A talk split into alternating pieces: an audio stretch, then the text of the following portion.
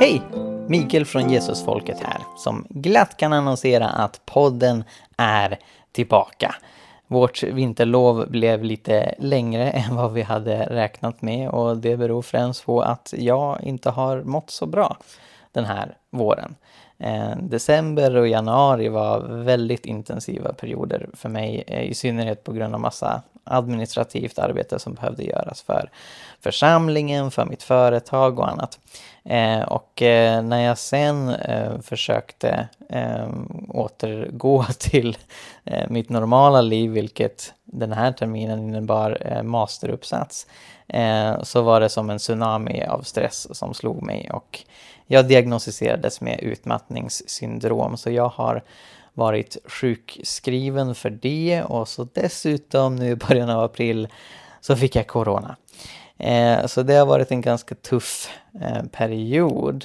Eh, men jag börjar känna mig starkare och eh, läkaren rekommenderar att jag plockar upp lite grann olika projekt. Eh, och eh, det känns viktigt, eh, tycker jag, att eh, få Eh, ja, men fortsätta vara uttrycksfull och kreativ, för det är där jag mår som bäst egentligen. Eh, så därför så kör vi igång podden nu. Eh, vi kommer inte ha samma takt som tidigare, utan vi kör varannan vecka tills vidare, så får vi se hur det går. Eh, men vi har redan spelat in flera jättespännande eh, konversationer eh, som jag tror att ni kommer uppskatta. Och som premiär så kommer ni idag få höra mitt och Saras samtal med Mikael Tellbe. Mikael är specialist på Nya Testamentet som bland annat har skrivit och tänkt mycket om Uppenbarelseboken och det kändes väldigt aktuellt att prata med honom utifrån att många dessa dagar hänvisar till Uppenbarelseboken som kvitto för att eh, coronavaccinet är vilddjurets märke 666, varning, antikrist, världsregering och så vidare.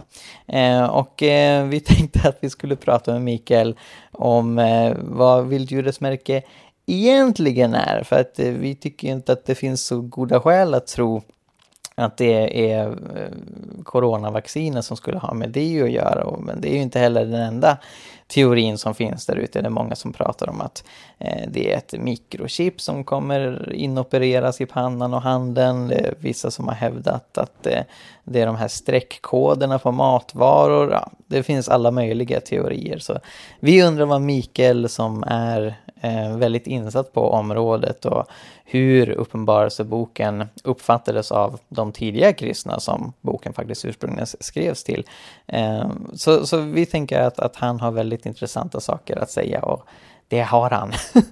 Eh, så det här samtalet var otroligt spännande eh, och eh, vi hoppas eh, kunna få prata med Mikael framöver och utforska fler ämnen i Uppenbarelseboken för det är en otroligt spännande och också väldigt misstolkad skrift. Eh, så om du också har funderat på vad är egentligen vilddjurets märke eller odjurets märke, vad betyder 666? Eh, ska man oroa sig för det eller kan man slappna av och lita på att, att eh, Gud kommer beskydda mig från vad, vad det än liksom symboliserar? Lyssna på det här avsnittet. Jag tror att eh, du kommer få en aha-upplevelse, det fick i vart fall jag. Eh, och jag tror också att du kommer känna eh, lugn och frid i Guds famn eh, genom att lyssna på detta. Eh, för att eh, Gud vill inte att vi ska vara rädda och det finns ingen anledning att vara rädd för vilddjurets märke. Så här kommer mitt och Sara samtal med Mikael Tellberg. Håll till godo.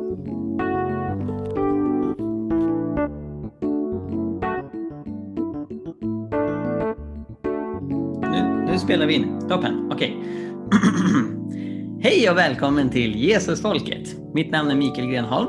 Mitt namn är Sara Grenholm. Och med oss på Zoom så har vi Mikael Telbe. Välkommen! Tack! Och för de som inte vet vem du är, vem är du?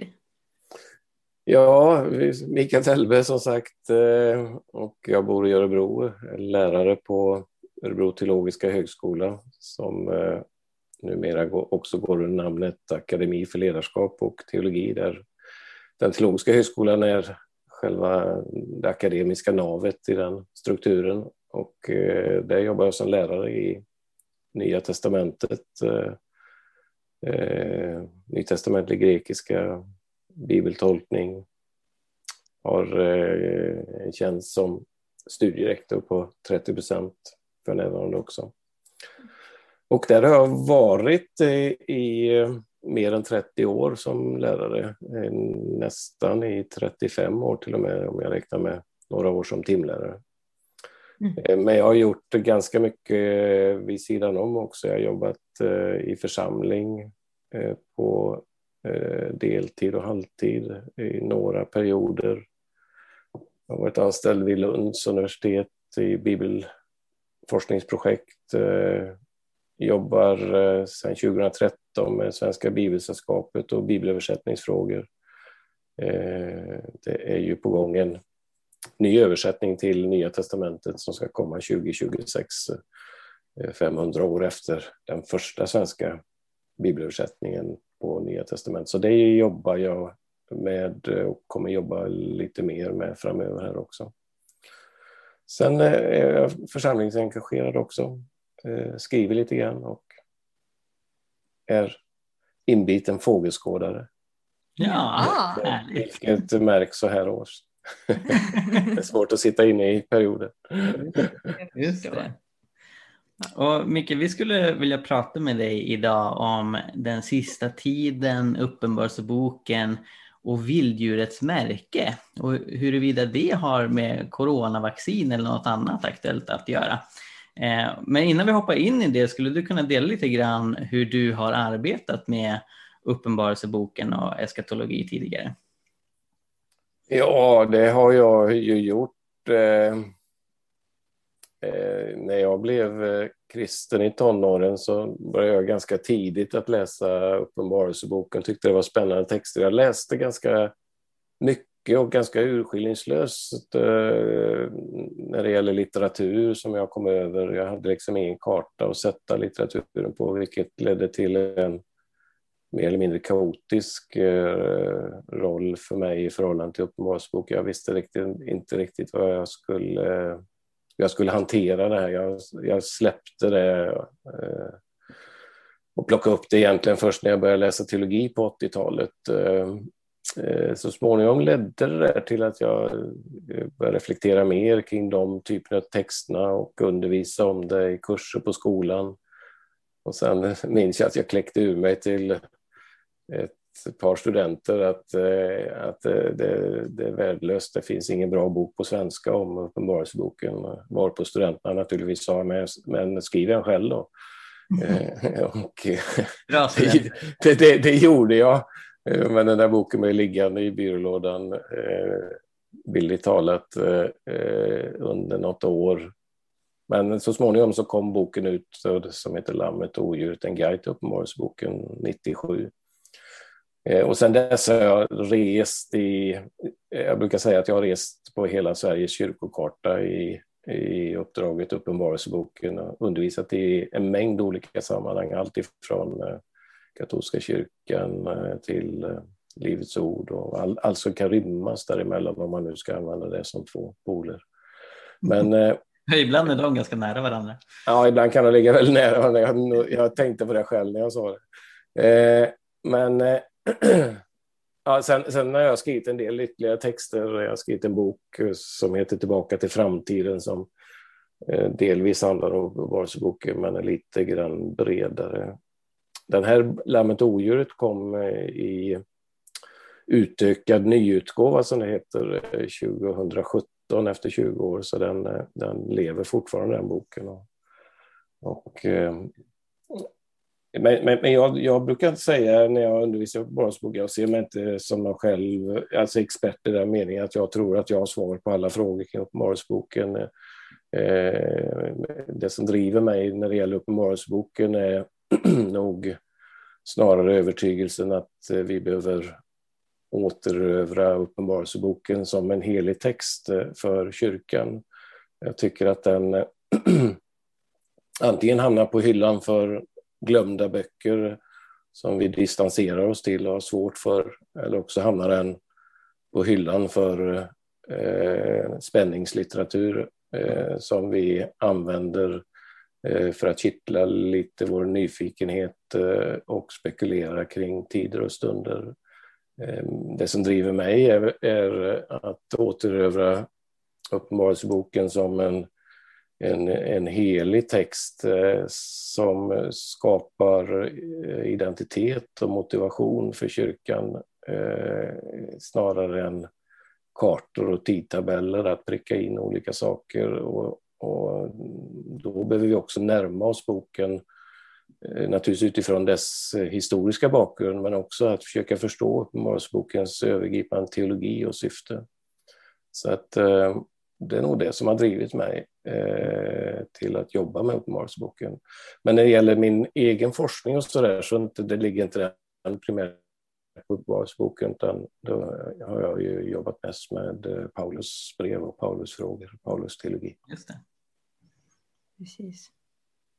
Jag tycker det är intressant det du, eh, det du nämner också den här, eh, för det känns som att det är återkommande i ehm, men kanske hela kyrkligheten men kanske i synnerhet i liksom den karismatiska delen att man eh, har pratat väldigt mycket om ett ämne en tid och kanske varit lite väl vass och många har blivit brända och så blir man tyst. Mm. Och så ja. säger man i princip ingenting och det, liksom, under den här tiden så, så skapas det små intressegrupper som egentligen får hålla på och gräva ner sig på egen hand. Eh, mm. ont. Mm. Eh, och sen så när man liksom börjar öppna upp och prata om det igen så märker man att det jättemycket har hänt på den här, under den här tiden som har varit helt okontrollerat. Ja, ja. För det känns som att de senaste åren så har det eh, florerat mer och mer på typ sociala medier och så. Eh, massa spekulationer kring allt möjligt. Mm. Som att säga, åh det här är tecken på sista tiden. Ja, så, ja. ja. men här står det ju i uppenbarelseboken, det här är, eller, ja. eller peka ut folk som antikrist eller ja. Eh, ja. ja. ja men absolut, och sociala medier spär ju på det där. Eh Däremot är det inget nytt fenomen i kyrkans historia. Eh, det är ju snarare så att, eh, att det har funnits ett slags eskatologiskt vakuum eh, under eh, 80, 90 och de senaste 20 åren här på 2000-talet eh, skulle jag vilja säga. Alltså går man tillbaks 100 år i historien och lite mer än det så, så spekuleras ju väldigt mycket kring tider och stunder där de stora kyrkoledarna, Jan Ångman eller Fredrik Fransson eller Levi Petrus eh, sysslar väldigt mycket med eskatologi och eh, där flera av dem, inte Levi Petrus förvisso, men flera också daterar Jesu tillkommelse utifrån eh, ganska spekulativa beräkningar med hjälp av Danielsboken och Uppenbarelseboken primärt. Och, och, och, och, och, jag menar, till exempel om man ser en sån rörelse där jag finns nära som EFK, Evangeliska Frikyrkan, kom ju från Örebromissionen bland annat och eh, John Ångman var ju ledare för Örebromissionen och han kom en bok 1901 där han eh, daterar Jesu tillkomst till 1934 och mm. eh, sen ändrade han sig till 1933. Själv dog han 1931 men man kan märka inom eh, Örebromissionen om man tittar på dess historia runt 33-34 att det var otroligt hajpat kring Jesu tillkommelse. Mm. Sen när den stora profeten då visar sig ha fel så då går man in i ett vakuum. Eh, och det gjorde man väldigt tydligt eh, i mitten på 30-talet. Eh, i, I princip ända fram till det att eh, andra världskriget bröt ut och det liksom skapade nya eskatologiska förväntningar med, mm. med Hitler och Stalin och, och, och hela det här. Eh, och, men, men, det, men sen har det, jag minns att när jag kom till tro på 70-talet, då, då levde ju mycket de här förväntningarna kring, kring Israel och, och staten Israel och en generation efter Israels grundande med, med eh, kristna ledare som talar om Jesu tillkommelse 1978 och 1988. Och, eh, det blev ganska stort kring det. Jag minns det väl. Mm. Eh, men när det väl var över, då liksom blev det tyst igen. Eh, och, och, i min, min egen rörelse där jag fanns då på Örebro Missionsskola som det hette så hade det skett nästan ett paradigmskifte på 80-talet där man hade övergett en väldigt detaljerad spekulativ eh, eskatologi, det vill säga lära om, om tidens slut. Mm. Eh, till förmån för en mer modererad, försiktig, reflekterad eh, eskatologi. Mm. Men det ledde också till en typ av osäkerhet hos många som eh, gjorde att det också fanns, eller kom ett vakuum. Och jag tycker delvis att vi fortfarande finns i det vakuumet där många Alltså för jag möter det så tydligt hos mina studenter att man, man, man kan säga typ, ja, men jag, i min församling är det ingen som predikar om Uppenbarelseboken. Jag har inte fått någon undervisning. Mm. Och har man med sig någonting, ja då är det ganska spekulativ litteratur eller någonting som man har hämtat upp via sociala medier eller Youtube eller något. Så att mm. eh, jag, jag, tycker det finns ett stort behov av eh, att eh, reflektera över bibeltexterna återigen. Och återigen för mig då är ju det att återövra Uppenbarelseboken som helig litteratur för mm. kyrkan. Eh, för mig är det jätteviktigt eh, eh, i tider som denna. Men problemet är att vi många gånger börjar med fel frågor tycker jag. Det vill säga det har hänt någonting i världen och så kommer vi, ja, finns det beskrivet någonstans i Uppenbarelseboken? Eh, mm. Och så har vi Uppenbarelseboken som någon slags eh, karta eller tidtabell där vi liksom ska kunna pricka av någonting. Eh, vilket för mig är ett, ett, ett, fel sätt att närma sig boken från början egentligen. Mm. Men för jag minns när jag pluggade på ALT så, så hade jag dig som lärare och eh, när du pratade om uppen, Uppenbarelseboken, alltså jag blev så, it, it blew my mind. För att jag hade aldrig liksom stött på att man faktiskt kan liksom tolka Uppenbarelseboken med samma tolkningsglasögon som man har på sig när man tolkar resten av Bibeln. Alltså så att man har en, eller så här, att man kan använda exeges på mm, mm. Uppenbarelseboken. Mm. För yeah. det, jag hade aldrig tänkt på det. Och nu, nu, när jag tänker tillbaka på det så är det ju helt absurt. Ja. Men det är, liksom, det är som om det finns en, to alltså, eh, en tolkningstradition inom citationstecken, eller kanske en otolkningstradition kring Uppenbarelseboken, där det liksom förväntas att man eh, här, hanterar hela resten av Bibeln på ett sätt, men när man kommer till Uppenbarelseboken då slänger man ut allt genom fönstret och så bara, det är en ja. Nej, jag tror du har helt rätt att eh, det är mycket så vi tänker. Jag menar, vi, när vi läser till exempel första Korinthierbrevet då kan vi liksom ha med sig, ja, det, Paulus skrev till en församling på 50-talet och det är egentligen inte min församling, men jag kan läsa det som Guds ord ändå. Liksom. Men jag har med mig det där att det är egentligen inte skrivet till mig från början på det sättet direkt. Men när vi kommer till Uppenbarelseboken så har vi ofta inte med oss det där. Eh, vi famlar lite grann och så kommer vi in i Uppenbarelseboken någon slags föreställning, ja men allt handlar om framtiden. Mm. Och det jag inte förstår riktigt, det skjuter jag framåt. Eh, och där är ju min bestämda övertygelse för att ha någonting att orientera sig eh, när det gäller tolkning av Uppenbarelseboken så måste vi förstå att det finns adressater, det finns ett syfte, det finns någonting som Johannes vill förmedla till sina läsare i de här sju församlingarna i, som står i en specifik situation. Han vill att de ska se någonting, han vill att de ska höra någonting. Han vill att de ska leva för någonting, ja ytterst att dö för någonting. Och, och, och så skriver han en text, eh, naturligtvis under andens ledning. Eh, och eh, försöker förmedla någonting. Det, det som gör Uppenbarelseboken så speciell, det är ju språket. Eh, där vi känner oss ganska lost efter ett tag. Eh, med seilen och alla de här olika djuren som dyker upp, färgerna och inte minst siffrorna. Och naturligtvis så inbjuder det, eh, boken är ju suggestiv, den är ju fantasieggande, den inbjuder oss till en övning i fantasi eh, och att försöka bringa mening i det här på något sätt. Eh, jag, jag, brukar ibland säga att en av Bibelns mest provocerande verser finns ju efter det här med odjurets märke i Uppenbarelseboken 13 och 16, eh, där det står i vers 18, här behövs vishet. Mm. Den som har förstånd ska tolka odjurets tal, för det är en människas tal och talet är 666.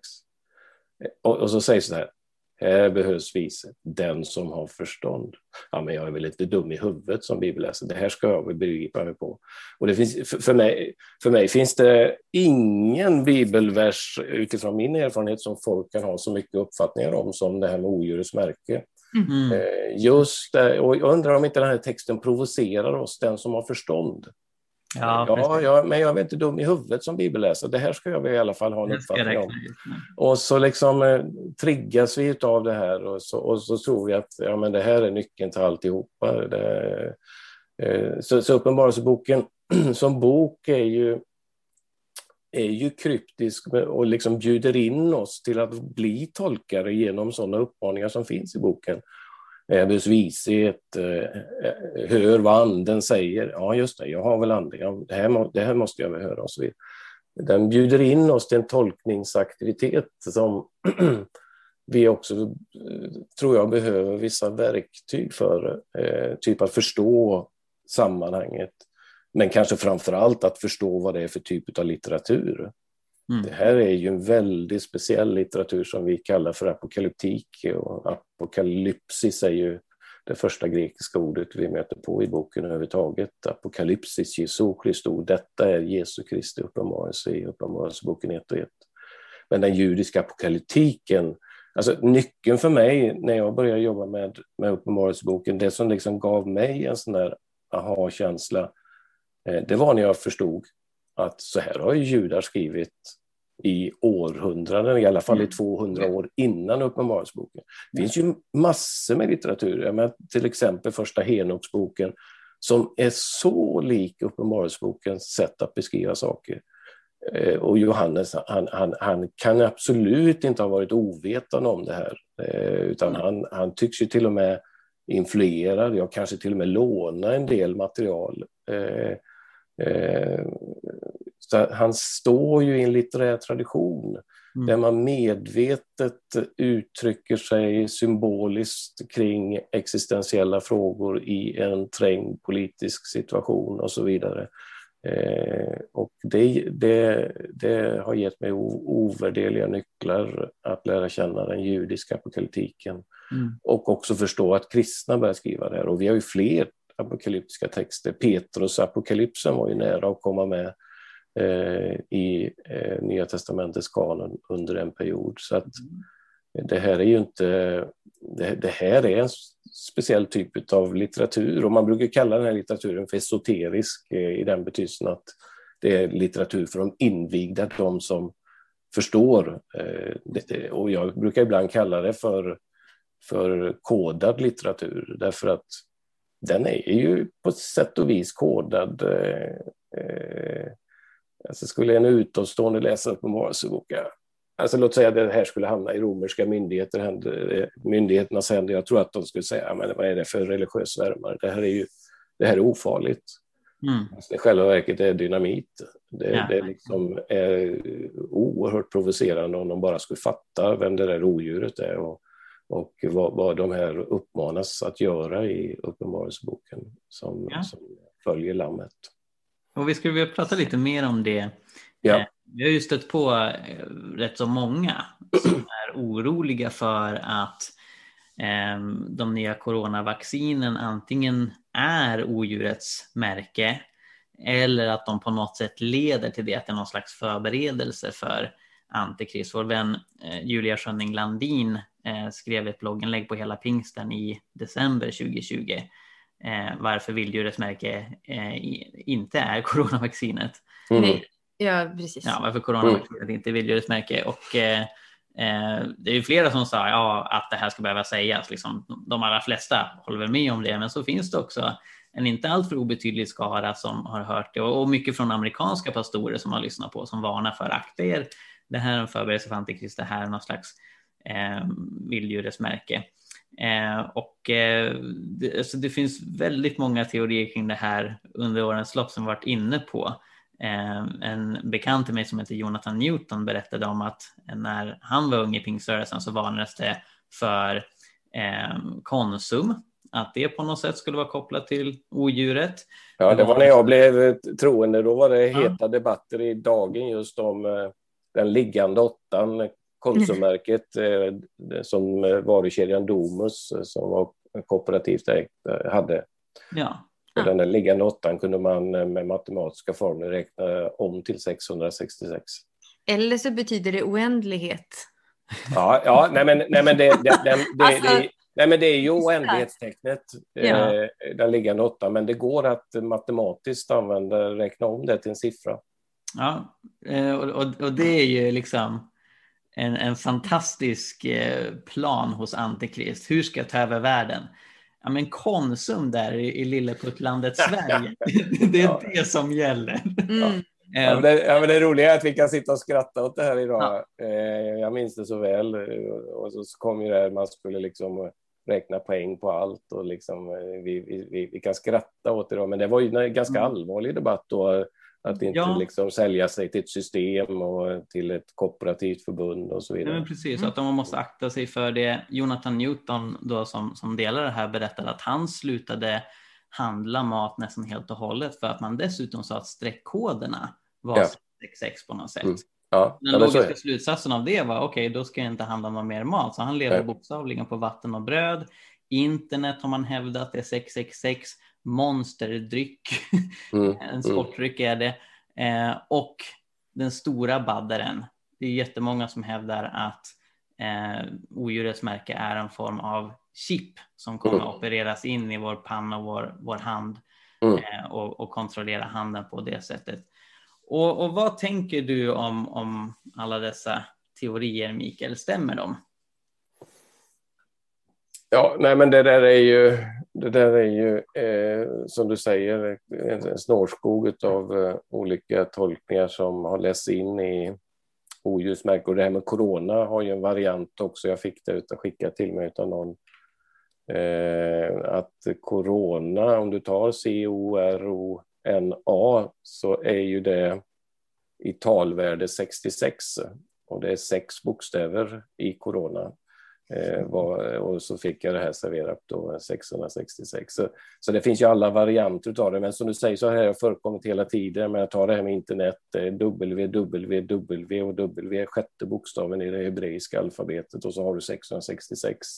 Det här med koder, EAN-koder, European Article Number, har ju faktiskt tre längre staplar eh, i kod eh, och de sex staplarna är tre sexor. Så, så det, liksom, det här har ju kommit i olika varianter eh, eh, i kyrkans historia. Eh, det finns mycket att säga om det här eh, och eh, eh, Låt mig säga så här, att, att, för det första så tycker jag ju att det är viktigt när vi kommer till Uppenbarelseboken 13 och till talet om odjursmärke att förstå att det är en liten detalj i en stor berättelse.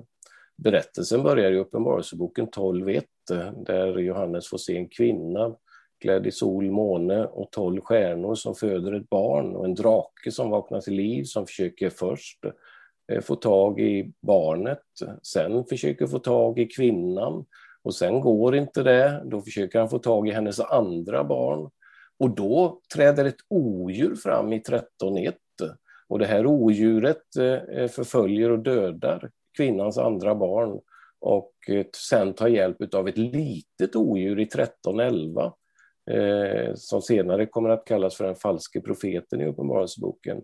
Och där så skapar det här lilla odjuret ett system som får folket att tillbe det första odjuret, som i sin tur är eh, har ett, en mission eller ett uppdrag från draken.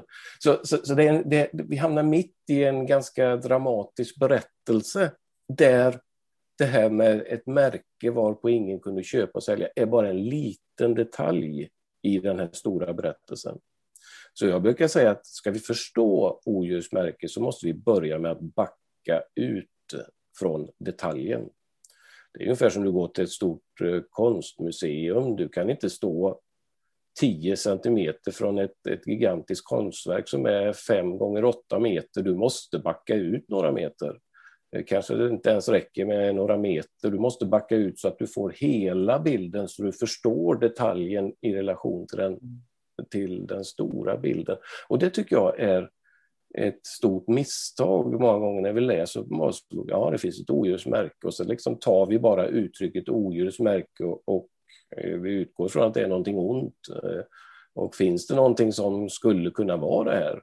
Eh, och så kopplar vi det till 666 och så är vi igång direkt utan att ha förstått den stora berättelsen. Och det finns mycket att säga om den stora berättelsen, men jag är ganska övertygad om att det här är en berättelse, en frälsningshistorisk berättelse om hur kvinnan, det judiska folket, jag går inte in i detaljtolkning här men, men, utan tar det väldigt grovt, där kvinnan, det judiska folket föder en, en, eh, en frälsare, helt enkelt Jesus Kristus, och draken vaknar till liv och försöker få fast i barnet, men, men barnet rycks upp till himlen, varpå en strid i himlen Eh, utkämpas i kapitel 12. Och drak, det slutar med att eh, på grund av lammets blod, det vill säga Jesu korsdöd, så kastas, slungas åklagaren, ormen, Satan, djävulen som han kallas, eh, det vill säga draken, han slungas ner på jorden och han vet att hans tid är kort. Det vill säga han är dödsdömd på grund av det här. Och då gör han allt för att förgöra Guds plan i historien. Han börjar förfölja kvinnan, det judiska folket, han, men det går, han får inte tag i det. Och då blir, och det är själva fokus i berättelsen, när han inte får tag i vare sig det första barnet eller kvinnan, då vill han ha tag i hennes andra barn. I kapitel 13, vers 18, vers 17, äh, eh, förlåt, kapitel 12, vers 17 och 18.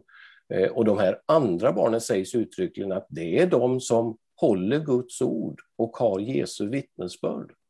Eh, och i Johannes har gett nyckeln till vilka det är som håller Guds ord och har Jesu vittnesbörd. Det kan inte vara några andra än, än eh, församlingen, de kristna, som beskrivs på det sättet. För så han beskriver sig själv i kapitel 1 och vers eh, 9. Eh, jag har aldrig tänkt på det, Mikael. Vilket? Jag, jag har aldrig tänkt på att han är så otroligt explicit. Ja, nej, men han ger ju, han är, alltså det kan, det kan inte avse någon annan grupp. Eh, alltså Guds ord, eh, jag menar, ja, det kan man diskutera, men vem håller Jesu vittnesbörd? Ja, det är mm. naturligtvis de troende som läser de gammaltestamentliga texterna genom det som Jesus har sagt och gjort. Men det är då berättelsen börjar egentligen. Draken ställer sig på havsstranden och ur havsstranden kommer det ett odjur i 13.1. Och det här odjuret eh, är en kombination av en leopard, en björn och en, en, eh, ett lejon. lejon. Mm. Och här hämtar jag, det är jag fullständigt övertygad om, att han hämtar bilden från Danielsboken 7, därför att Danielsboken 7 berättar om lejonet, björnen och leoparden eller panten. Och det intressanta med Danielsboken 7 och 8 är att de tre djuren avkodas enligt eh, typisk apokalyptik nämligen att, att djur ofta blir makthavare eller riken. Och i, och i Danielsboken så är lejonet eh, eh det babyloniska riket, eh, björnen är Medien, Persien, panten är Grekland. Och Daniel får se ett fjärde djur som han inte avkodar. Johannes i sin tur plockar upp bilden igen. Men det fjärde djuret finns ju framför framför hans ögon därför att efter Grekland kommer Rom.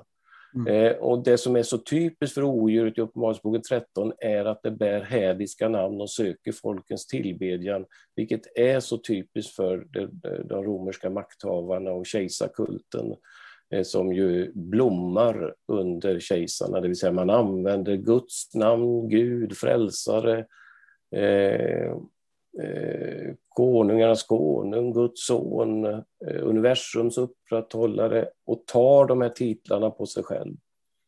Och det här odjuret börjar också förfölja eh, de kristna. Odjuret får hjälp av ett mindre odjur som har klart religiösa förtecken. Därför att det sägs tre gånger i 13, 11 och framåt att det lilla odjuret eh, med alla till bud stående medel vill få folk att tillbe det första odjuret. Mm. Eh, det vill säga skapa en typ av religiös och till och med ekonomiskt system eh, eller kult för att eh, knyta det här till det första odjuret. Så där har du den stora berättelsen och, jag hävdar att det här är ingenting som Johannes eh, sannolikt bara såg framåt utan han, de, de tidiga kristna såg ju det här framför sina ögon. De såg eh, Rom som sticker upp som tar hädiska namn och ett system av kult, tillbedjan som, som existerar framför deras ögon. Och så kommer det här med odjurets märke. Då är naturligtvis frågan, existerar ett sånt här märke i antiken redan? Ja, vi känner inte till eh, eh, att alla behövde ha märken för att köpa någonting. Vi, vi känner till det lokalt ifrån vissa marknader. Vi känner till eh, från 200-talet hur man fick ett märke när man hade svurit till kejsaren i domstol, det vill säga tagit, tagit eden till kejsaren att, det är, att kejsaren är Gud. Eh, men det vi ska vara medvetna om det är ju hur texten ser ut. Dels hur symbolisk texten är med alla djur och hela berättelsen. Men jag brukar säga att innan vi tolkar odjurets märke så måste vi förstå att det finns ett märke till. Mm. Och det är märket som kommer direkt efter kapitel 13 i 14.1. Mm. Nämligen att Johannes får se en skara på berget Sion, 144 000 som hade Guds och Lammets namn skrivna i pannan. Mm. Jag har inte hört en enda bibelutläggare någon gång som har hävdat typ så här att i den sista tiden så ska det stå Gud i pannan på de kristna. Det vill säga man, man läser det fysiskt bokstavligt eh, som ett fysiskt märke. Eh, alltså, för det första ska vi vara medvetna om märkens symbolik i antiken. Jag, skulle vilja säga att det var ännu vanligare med märken på kroppsdelar i antiken än vad det är med tatueringar idag. Mm. Därför att eh, eh i princip alla som var ägda, det vill säga som stod i ett slavförhållande, hade märken på kroppen. Eh, tatueringar på händer, fötter, i pannan eh, eller på armen. Eh, eh, prostituerade i Rom hade ofta hallikens namn tatuerat i pannan eller en bindel i pannan med hallikens namn, det vill säga namn och märken på kroppsdelar signalerade tillhörighet i antiken. Mm att det stod Guds namn i pannan på dem. Jag, jag, tror, jag tror inte det var någon som skulle missa det, att det betyder att de tillhör Gud. Mm. Att det står odjurets märke på handen eller pannan, ja, de tillhör odjuret. Mm. Men då måste vi backa berättelsen och fråga, var hämtas beskrivningarna ifrån? Ja, faktum är att det finns fyra eller fem texter i Andra Moseboken och Femte Moseboken som talar om ett tecken på handen och på pannan. Och den kanske viktigaste texten är Andra Moseboken 13 i samband med firandet av osyrade brödets högtid. Där det talas om eh, hur Israels folk ska fira det här och så ska man säga det här ska du säga till din son att vi gör det här som en påminnelse om vad Herren gjorde när Herren förde oss ut ur Egypten. Eh, det vill säga man firar påsken, det osiga brödets högtid som en åminneshögtid. Och så står det så här, i, jag tror det är vers 8-9 i, i Andra Moseboken 13, att detta ska vara för dig som ett tecken på din hand och ett tecken på din panna. Mm. Eh, det vill säga en, en påminnelse om att Gud har fört dig ut ur Egypten, det vill säga att du tillhör Herren. Och judar tolkade ju det symboliskt, eh, om man tittar på rabbinska texter. Eh, det vill säga, det du gör, det, så det ska märka din hand, det ska märka din panna, det du gör med dina händer och det du tänker innanför ditt pannben. Eh, det ska vara präglat av att ni är friköpta från Egypten, att ni tillhör Herren. Eh, och det tog århundraden innan ortodoxa judiska rabbiner började tillverka saker som de knyter om högra handen och om pannan. Om man har varit vid klagomuren så ser man ofta de här judisk-ortodoxa rabbinerna med eh, den lilla boxen med ett litet budord på handen och på pannan. Eh, men i Andra Moseboken 13 är det knappast eh, så att säga, en bokstavlig läsning som avses, utan Eh, det här är ett språk som handlar om tillhörighet. Det Johannes frågar som jag uppfattar i Uppenbarelseboken 13 och 14 är vems namn står skrivet på dig? Mm. Vem tillhör du? Vem tillber du? Den stora frågan i Uppenbarelseboken är inte om du tillber, utan vem du tillber. Mm. Vems namn har du på dig? Och därför är det så viktigt för mig. Jag säger inte att det kan komma system, att det kan komma märken eh, i framtiden. Det, det, det, jag, jag kan hålla det öppet. Men jag tror att vill kyrkan lura sig själv genom att bara skjuta den här texten framåt. Och idag pratar vi om en chip. Eh, och vi pratar kontantlösa samhällen. Ja, men käre någon, om det handlar om ett visst chip eh, som möjligtvis skulle opereras på handen eller i pannan, ja då lurar vi oss själva om det är chippet i sig självt vi ska, vi ska reagera på. Faktum är att du har redan ett chip på rumpan brukar jag säga, därför att du har det i din plånbok. Mm. Du har ju det på ditt bankkort, du är redan en del av systemet. Det är dags att reagera då när du får det plötsligt på handen i så fall. Alltså, jag, jag, säger inte emot att det inte kan komma system som, som vill binda oss på olika sätt, men vi ska vara medvetna om att Johannes ser redan mm. system i sin egen tid och ställer frågan i texten, vems namn står skrivet på dig? Mm. Det handlar om något långt mer fundamentalt, vill jag säga, än ett kommande eventuellt mikrochips. Det här landar på mitt köksbord. Det handlar när min fru och jag sitter och planerar vår framtid, våra pengar. Vems namn vill vi ska stå skrivet på oss? Vem vill vi tillhöra? Det är ju den frågan Johannes säger, eller frågar sina läsare. Eh, och det måste vi se innan vi går igång på massa detaljer. Sen har ju kristna genom historien, som vi inledde det här med, liksom sett det här i olika fenomen. Men jag tycker att den, den tolkningshistoria som finns bör stämma oss lite grann till ödmjukhet. Eh, eh, det har liksom spekulerats så mycket i olika märken och, och system. Jag, jag, tycker att vi behöver gå tillbaka till den grundläggande frågan som kristen församling. Eh, I en tid där det är många som pockar på vår upp, uppmärksamhet, som vill ha vår tillbedjan och vår efterföljelse vems namn vill jag ska, ska stå skrivet på mitt liv? Mm. Det är vad den här texten handlar om. Mm. Inte eventuellt om, om ett visst tecken.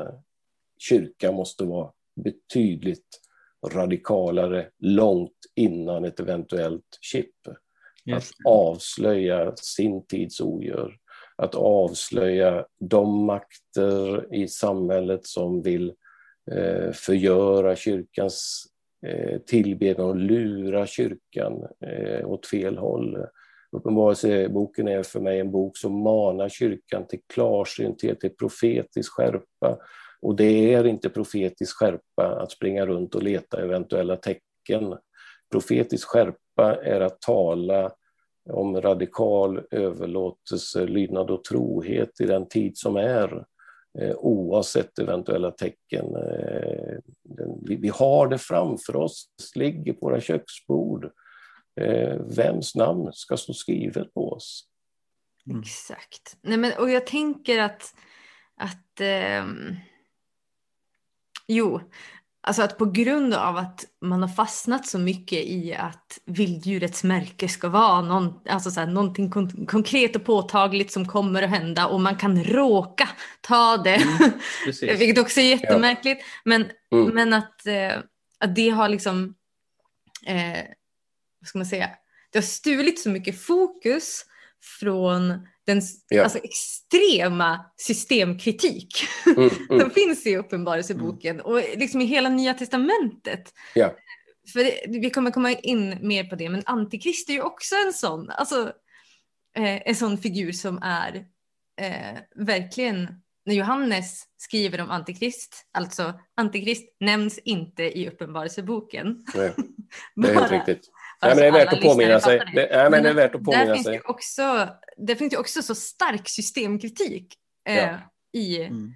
ja, men så här, hur behandlar vi varandra och ser till att det här inte kommer in i församlingen.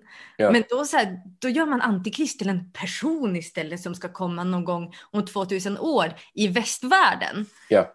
Eh, så, och det ytterligare en, en stor grej som jag, som jag stör mig till döds på. Eh, att, vi, att vi tror att Uppenbarelseboken och tidens tecken ska gälla eh, rika vita människor i västvärlden. Mm, mm. Och så typ att ni ska höra rykten om krig. Ja men vet du jag hörde ju om Ryssland förra Ja. veckan. Det är sista tiden.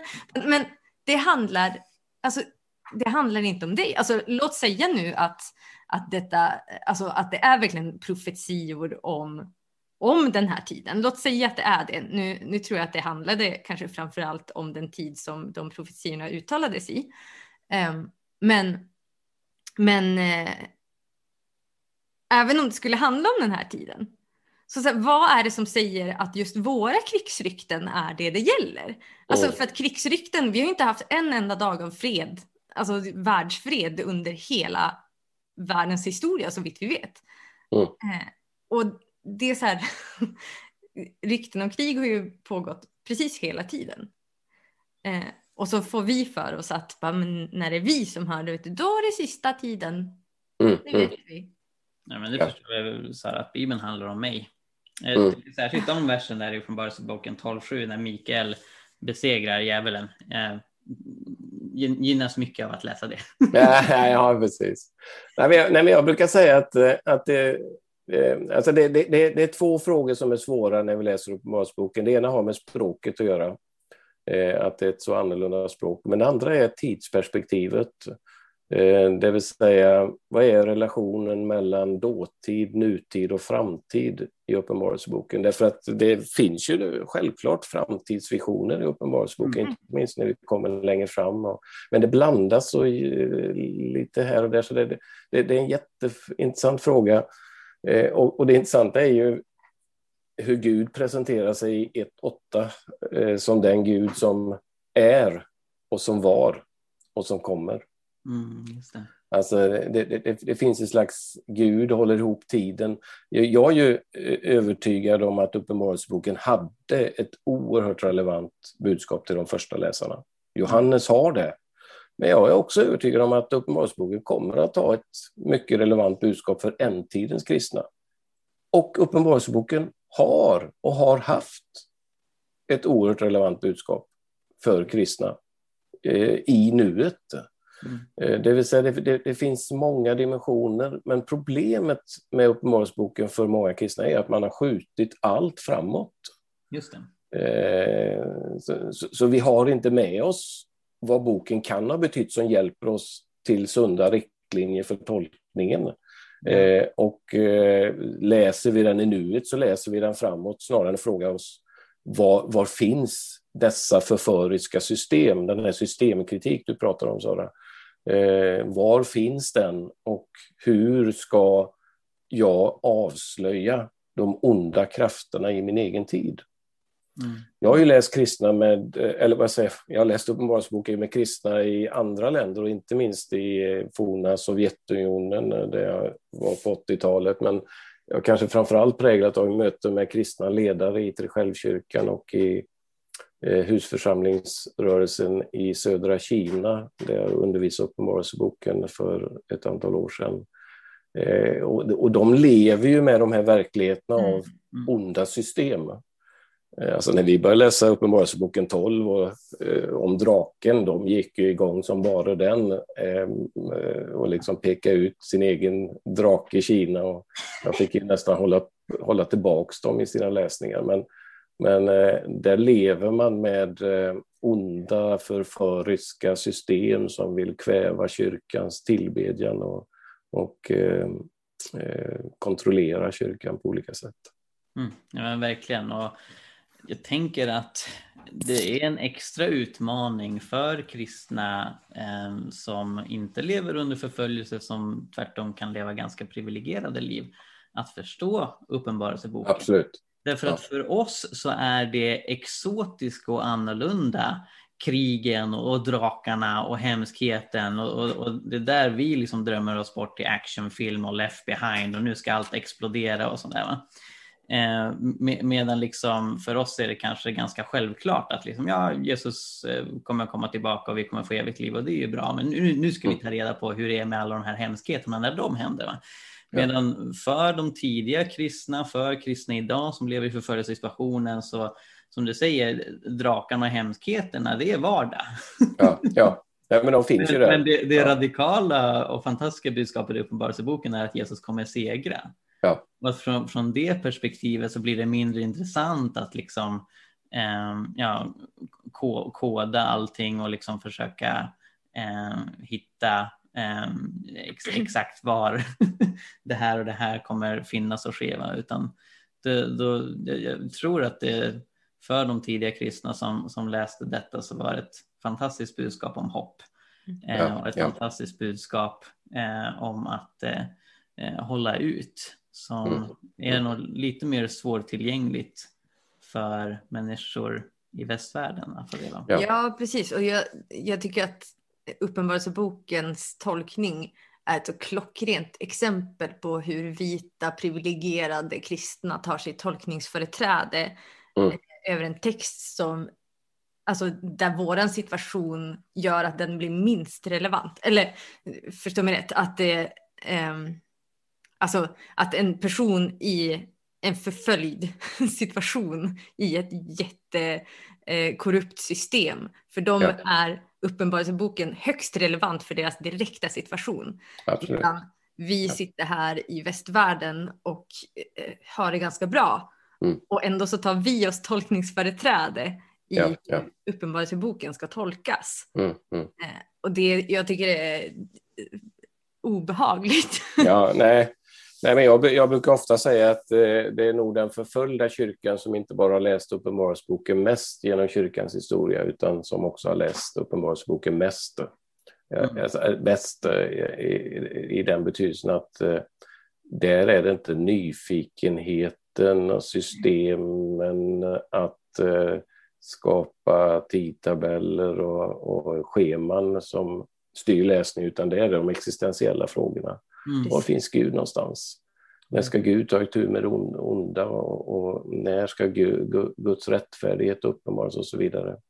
Eh, och, och, eh, jag brukar ibland eh, när jag eh, förkunnar Uppenbarelseboken ta mitt avstamp i fem, den femte basunen i Uppenbarelseboken 6, vers 9-11, där Johannes får se martyrerna mm. eh, som, som väcker en ganska provocerande fråga till Gud. Hur länge ska du dröja, du helige och sannfärdige härskare, mm. att avkräva dom på våra motståndare eller de som har förintat oss? Mm. Eh, alltså det, det, det, det, är en existentiell fråga som ligger där som, som, som, som eh, vill ha sitt svar. Gud, var är du? Gud, varför gör du ingenting? Gud, varför dröjer du? Och jag, och, och jag menar att, att det, det, är en, det är en sund ingångsfråga i Uppenbarelseboken, därför att Uppenbarelseboken handlar ytterst om vem Gud är i tider av kaos och lidande. Eh, vem, var, var, finns Gud? Varför gör inte Gud någonting? Och när han väl ska göra någonting, vad, vad ska han då göra? Och det är en jättebra början. Därför att det där är ju alla människors frågor mer eller mindre, det vill säga var finns Gud mm. när allt går åt skogen? Det, eller var, var, finns Gud i lidandet? Var finns Gud i en värld som är kaotisk? Mm. Och den frågan börjar ju inte i hur ska jag kunna säkra min egen framtid genom att veta vilka tecken och, som ska komma i en viss sekvens, utan det är en existentiell fråga. Gud, eh, ge mig kraft för nuet att förstå var du är och vad du vill. Och jag, tycker det är så tragiskt att en text som då är skriven för att ge hopp ja.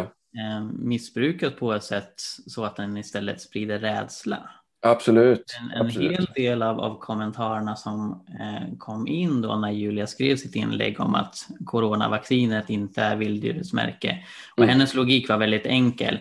Eh, man stoppar inte vaccin i pannan på folk, för det går inte. Så därför kan man ha ett märke i folks panna. Även om sprutan mirakulöst skulle innehålla ett minimalt mikrochip, liksom, den, den, kommer inte in där.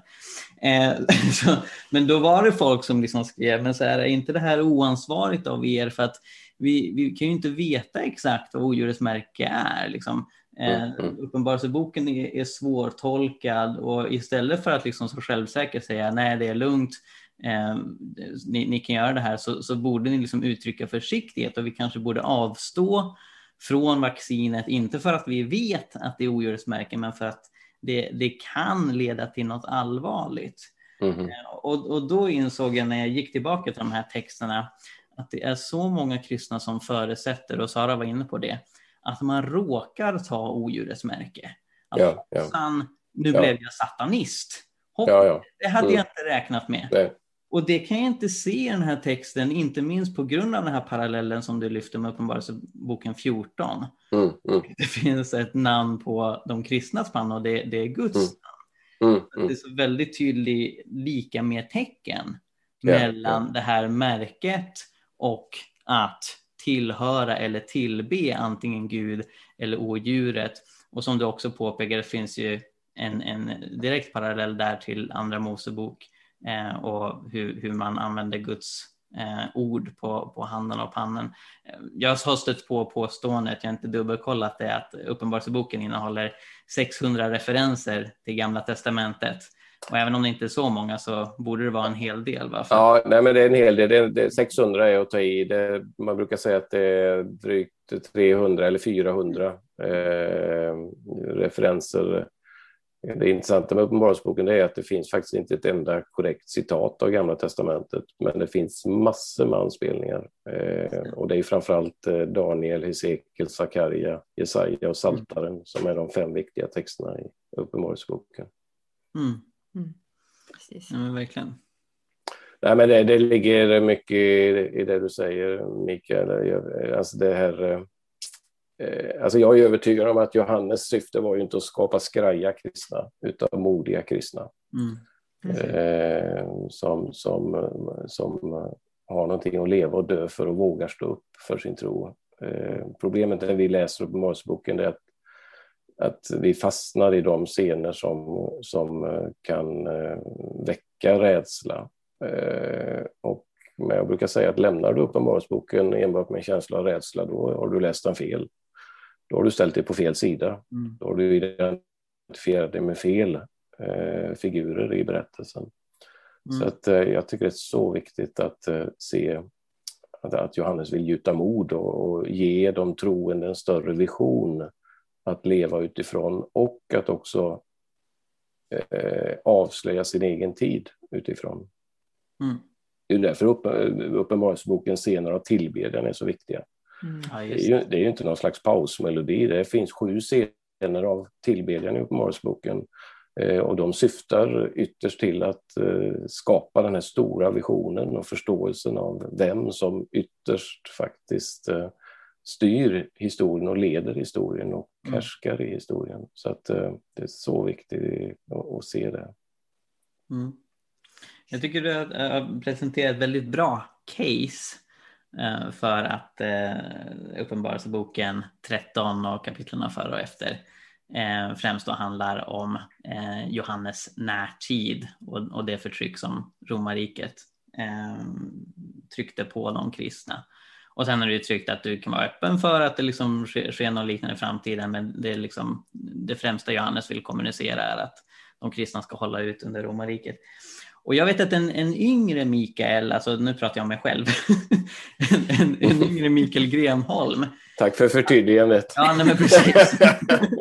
jag har kollat upp dig på nätet. Nej, men en, en yngre Mikael Grenholm hade känt sig ganska besviken över detta. Eh, för att det på något sätt känns lite mesigt med en profetia som gäller liksom den, den väldiga närtiden. Det, jag tycker liksom så här, när Johannes ändå ska profetera och han, han, beskriver att, att det här gäller saker som ska komma, då, då, kan han väl liksom berätta hur det blir om 2000 eller 5000 år, hur lång tid det tar för Jesus att komma tillbaka. Istället för att liksom prata om, om eh, närtiden och, och, du var inne på att alltså, folk tänker ju olika. Hur, hur mycket av Uppenbarelseboken är framtiden? Hur, hur lite är det?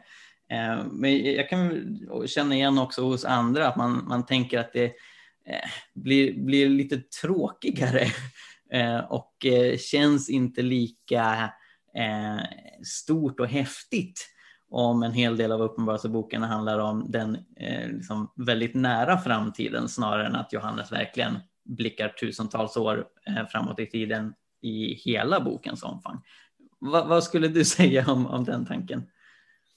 Ja, nej, men då lever ju man naturligtvis med en föreställning om att eh, det, det, är det här liksom eh, eh, detaljerade, spekulativa som är det, fram, som är det spännande. Eh, alltså det, det, är viktigt, att eh, tycker jag, att alltså min, min hållning är ju inte att allt i Uppenbarelseboken är historia.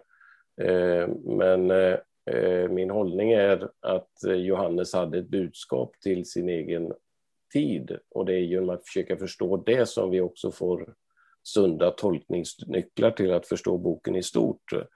Eh, utan här, här, här, här hade Johannes budskap, han ser, tror jag, ett romerskt eh, system som har gått över ända och som kräver tillbedjan och förföljer kyrkan. Men grejen är att sådana här system har upprepat sig i historien, vilket gör att Uppenbarelseboken har relevans.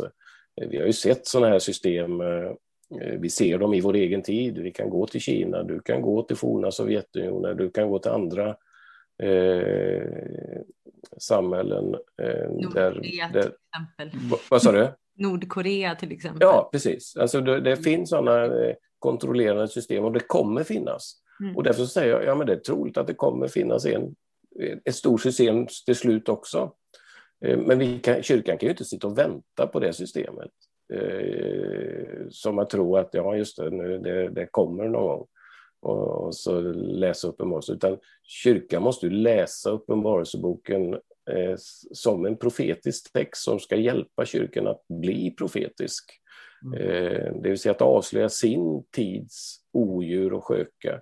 Och det menar jag att varje kyrka, varje tid måste göra. Och det är ju intressant att se att det har ju skett Eh, och det sker. Men grejen är ju att eh, pratar du med kristna i Kina så kan de se, se ett odjur. Men mm. pratar du med kristna i Latinamerika så kanske de ser ett annat odjur. Och frågan är vad finns det för odjur i det svenska samhället? Ja, jag kanske inte ser primärt ett odjur, men jag ser definitivt en förförisk sköka. Mm. I Uppenbarelseboken 17-18, för hon, hon väl, vältrar sig i i lyx och prål, konsumtion och ekonomism och dricker sig drucken på eh, de, de troendes blod, det vill säga hon, hon söver och förför. Eh, och till slut så störtas hon. Men vi har ju naturligtvis andra krafter som, som eh, söker vår tillbedjan och efterföljelse. Så att eh, eh det, det gäller att läsa Uppenbarelseboken eh, som Johannes gör tror jag, inte i första hand att vänta på ett visst chip eller en viss figur, utan att eh, inse att kyrkan har en profetisk roll i samhället. Att eh, peka ut falska, ogudaktiga och eh, förföriska och ytterst antikristliga krafter, det vill säga eh, antikrist betyder ju en mot Kristus, eh, någon som försöker ta Kristi plats eller försöker spela Kristus, eh, att söka till den tillbedjan som Kristus endast är värd och så vidare. Ja, men precis, och jag tror att det också handlar om eh, att det finns en missuppfattning kring vad profetia faktiskt är. Ja. Att det handlar inte, alltså att en profetia är inte samma sak som en spådom, liksom. Mm, att mm. man utspår en framtid eh, det kan vara så. Det finns ju element av det i profetior mm. också. Mm. Eh, inte att det är spådom. Nej, eh, utan, att, utan att det handlar om framtiden väldigt specifikt. Men ja. för det mesta så handlar ju det profetiska om, både i gamla och nya testamentet, om att avslöja sin samtid. Absolut. Mm. Eh, och, men det finns ju en... avslöja vad som pågår under ytan, både andligt och liksom rent konkret fysiskt ja. i samhället. Nej, men det håller jag absolut med Men det finns ju också en, en väldigt intressant relation mellan samtid och framtid hos profeterna, till exempel i Gamla Testamentet, nämligen att man läser sin samtid med hjälp av framtiden. Mm. Det, I den meningen som, jag, som eh, Johannes, han kallas ju profet ett antal gånger. Han sägs ju aldrig att han är apostel eller lärare eller någonting, han är profet. Eh, och han läser sin samtid med hjälp av framtiden. Och det är det jag menar med att när kyrkan behöver bli profetisk, eh, att hon behöver ha båda perspektiven. Men, och nyckeln till då för mig att läsa upp så blir också då att förstå så att säga, dåtiden, alltså dåtid, nutid, framtid hör samman. Eh, vi behöver avslöja vår egen samtid med hjälp av de här framtidsperspektiven. Exakt. Jag har en ordningsfråga. Ja. Eh, vi har nu pratat en timme. Ja, ja. Jag har fortfarande inte kommit in på andra halvan som vi tänkte oss. Ja, Okej, okay. ja, ja. Och vi, vi vill inte ta för mycket av din tid, Mikael. Jag tänker att eh, ett alternativ är att vi avhandlar det lite mer kortfattat. Det handlar om det här, de tre grejerna som vi ofta pratar om i eskatologi, men som förvånande nog inte nämns i Uppenbarelseboken antingen att vi tar det nu lite kortare eller att, att vi bokar in ett annat samtal och, och får lite mer tid på oss att prata om det. Vad känner du?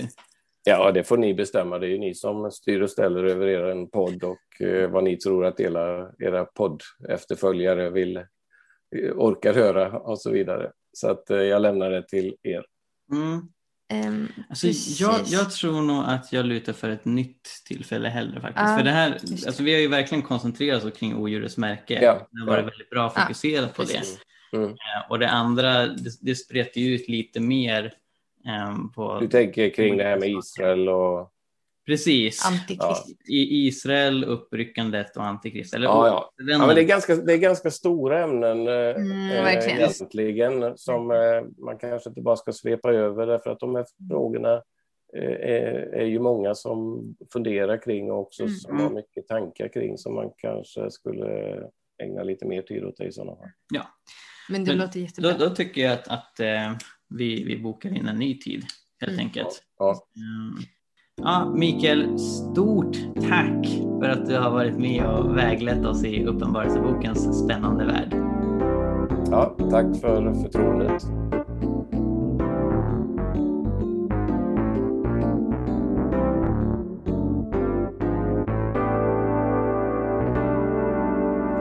Så mycket för att du lyssnar på Jesusfolket. Om du vill höra mer så se till att prenumerera på iTunes, Spotify eller valfri podcastapp. Du kan också lämna en recension, vilket är en eh, liten grej att göra som hjälper oss väldigt, väldigt mycket, så det uppskattar vi verkligen. Ehm, du kan också läsa vår blogg, Hela Pingsten. Vi har mängder med artiklar där om andens gåvor, evangelisation, fred, rättvisa och allt möjligt annat som har med lärjungaskap att göra, så kolla in det. Och vi finns på sociala medier, du kan följa både Jesusfolket och hela pingsten på till exempel Facebook. Tack så mycket, Gud välsigne dig och eh, fortsätt vara en del av Jesusfolket.